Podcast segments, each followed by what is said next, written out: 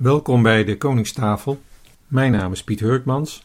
Je zult zeggen, wat is dat nu weer, de Koningstafel? Nou, dat is een uh, nieuwe audio-podcast-serie over uh, authenticiteit, uh, leiderschap en persoonlijke groei. Dit is de nul aflevering. Dit is nog niet echt een aflevering met een gast erin. Die gaan allemaal nog komen. Maar een aflevering waarin we vooruitblikken op wat is dat nu eigenlijk, de Koningstafel? Wat voor mensen kunnen we daar verwachten? En uh, we kijken aan het eind ervan ook even vooruit naar de allerallereerste aflevering met een gast erin. Ik wil eerst iets uh, vertellen over het ontstaan van de naam de Koningstafel. Daar speel ik al een aantal jaren mee en op verschillende momenten in mijn leven tot nu toe popt iedere keer die naam weer op. Ik heb ook geen idee hoe ik eraan kom. Ineens was hij er gewoon. En ehm, ik ben toen eens gaan googlen en nou, ik kwam niet zo heel veel tegen, behalve de naam van een restaurant hier in de buurt van waar ik woon, in Wageningen. En uh, vanuit mijn huis kijk ik, uh, zeker in de winter, omdat de bomen dan geen bladeren hebben, uit uh, op de Grebbeberg. Een van de weinige, wat we dan bergen noemen in Nederland. En de Grebbeberg heeft een enorme lange historie. we kennen hem vooral van de Tweede Wereldoorlog natuurlijk, omdat daar flink gevochten is. Maar op de Grebbeberg staat ook een restaurant en dat heet de Koningstafel. En dat restaurant, dat heeft weer um, zijn naam ontleend aan een plek op die Grebbeberg. Aan de rand daarvan uh, bevindt zich een uh, plateau en dat heet de Koningstafel, of wordt zo genoemd. Opvallend is wel dat er ontzettend weinig uh, te vinden is over de Koningstafel, hoe die naam nu precies is ontstaan. Uh, als je gaat, uh, een beetje gaat rondgoogelen, dan ja, kun je er wel iets over vinden. Maar uh, het is slecht gedocumenteerd, valt me op. Maar dat vind ik zelf al niet zo heel erg. Ik vind de symboliek ervan wel mooi. Ik vind de naam mooi.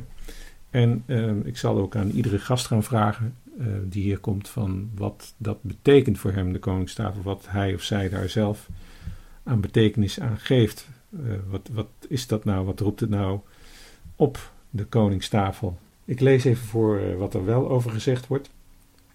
Um, het plateau waarop zich de ringwalburgt bevindt, wordt al meer dan een eeuw lang aangeduid met de Koningstafel. Het is de plaats waar voormalige vorsten konden neerzien op het omliggende land met de voorbijstromende rivier. In oude verhalen wordt ook wel een stenen tafel genoemd, een grote blauwe hardstenen zerke die op de Grebbeberg te vinden was.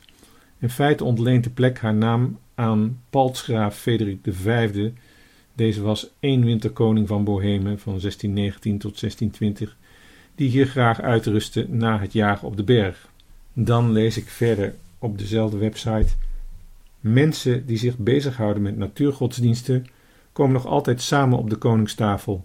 Ze bestuderen krachtplaatsen en leilijnen die in de tijd voor het christendom in Europa als heilig werden beschouwd. Hier ontstonden cultusplekken waar men contact probeerde te maken met andere werelden, zoals Elfenland.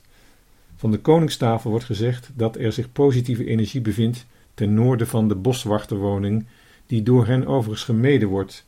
Het is verboden gebied, het is maar dat u het weet. Op een of andere manier heb ik iets met eh, de symboliek van eh, koning zijn. Speelt al een groot eh, deel van mijn leven een rol.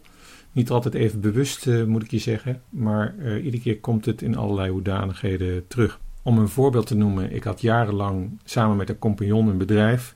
We maakten televisiedocumentaires en dat bedrijf dat noemen wij Damocles. En die titel hadden wij ook ineens bedacht, kwam ineens bovendrijven en daarna gingen we pas de symboliek erbij zoeken. wat bleek, Damocles, we kennen natuurlijk het, het gezegde van het zwaard van Damocles. En uh, Damocles was iemand die graag wilde weten hoe het was om in wilde te leven en al die luxe en vrijheden om zich heen te hebben. En dat mocht hij dan een dag doen van een Griekse koning, ik ben even zijn naam kwijt, Dionysus of zo. Ehm, totdat Damocles in de gaten kreeg dat Dionysus een, een zwaard had opgehangen aan een paardenhaar boven het hoofd van Damocles om aan te tonen uh, hoe iemand in die positie elke dag weer wordt bedreigd door zaken die uh, je niet altijd van tevoren weet. Um, ons leek het toen een spannend idee om bijzondere dingen te doen, net zolang als dat goed zou gaan. Niet wetend welke bedreigingen ons boven het hoofd zouden hangen. En uh, dat hebben we zeven jaar lang gedaan.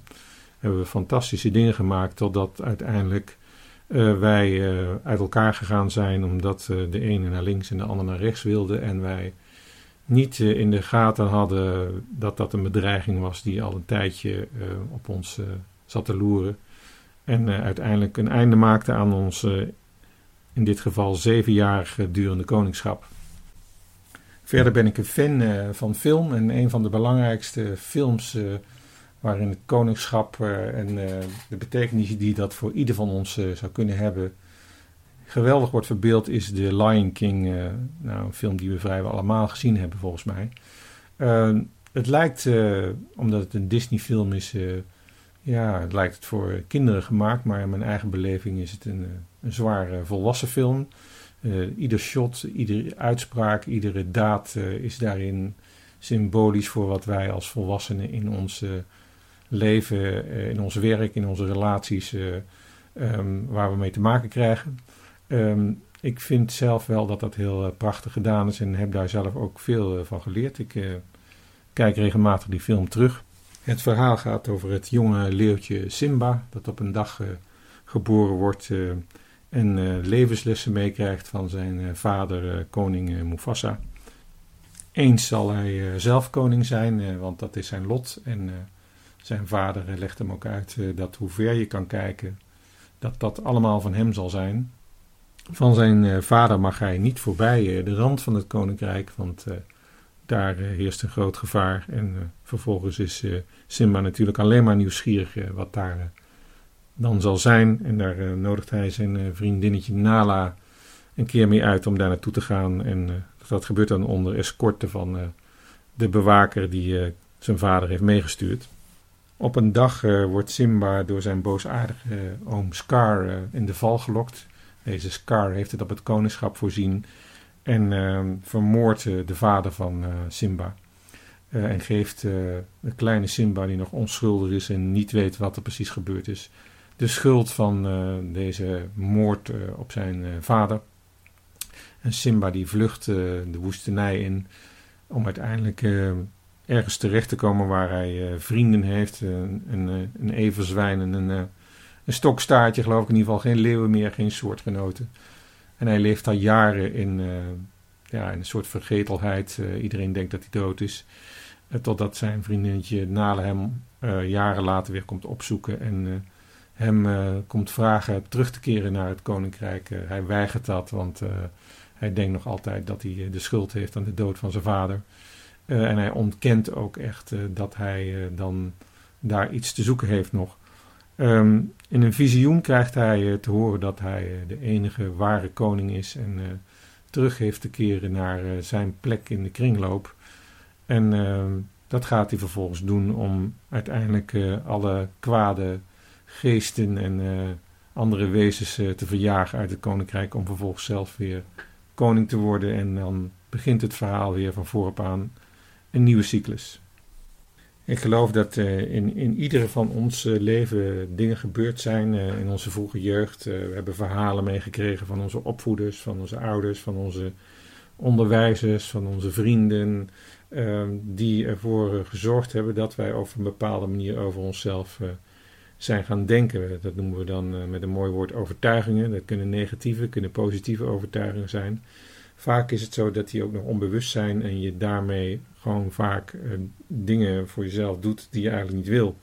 Zo natuurlijk ook in het verhaal van deze Simba, die ik net noemde, die echt dacht dat hij verbannen was omdat hij zijn vader had vermoord, maar intussen dan ja, eigenlijk bij zijn ware aard vandaan gegaan is en een soort van schijnleven leidt. Dit aspect van het koningschap uh, zal ook zeker in de podcastserie uh, De Koningstafel aan bod komen. Ik ben met name nieuwsgierig naar wat de gasten die bij mij aan tafel schuiven zullen vertellen over hoe zij hun eigen koningschap beleven tot nu toe. Zitten zij op het juiste spoor? wat zijn hun missies? Wat zijn hun dromen? Wat zijn hun drijfveren? Kennen ze hun talenten? Worstelen ze met hun eigen potentieel? Wat is echt belangrijk voor hen in hun leven? Wat zijn hun overtuigingen? Hoe komen ze eraan? Wat hebben ze geleerd? Hoe gaan zij om eh, met tegenslag?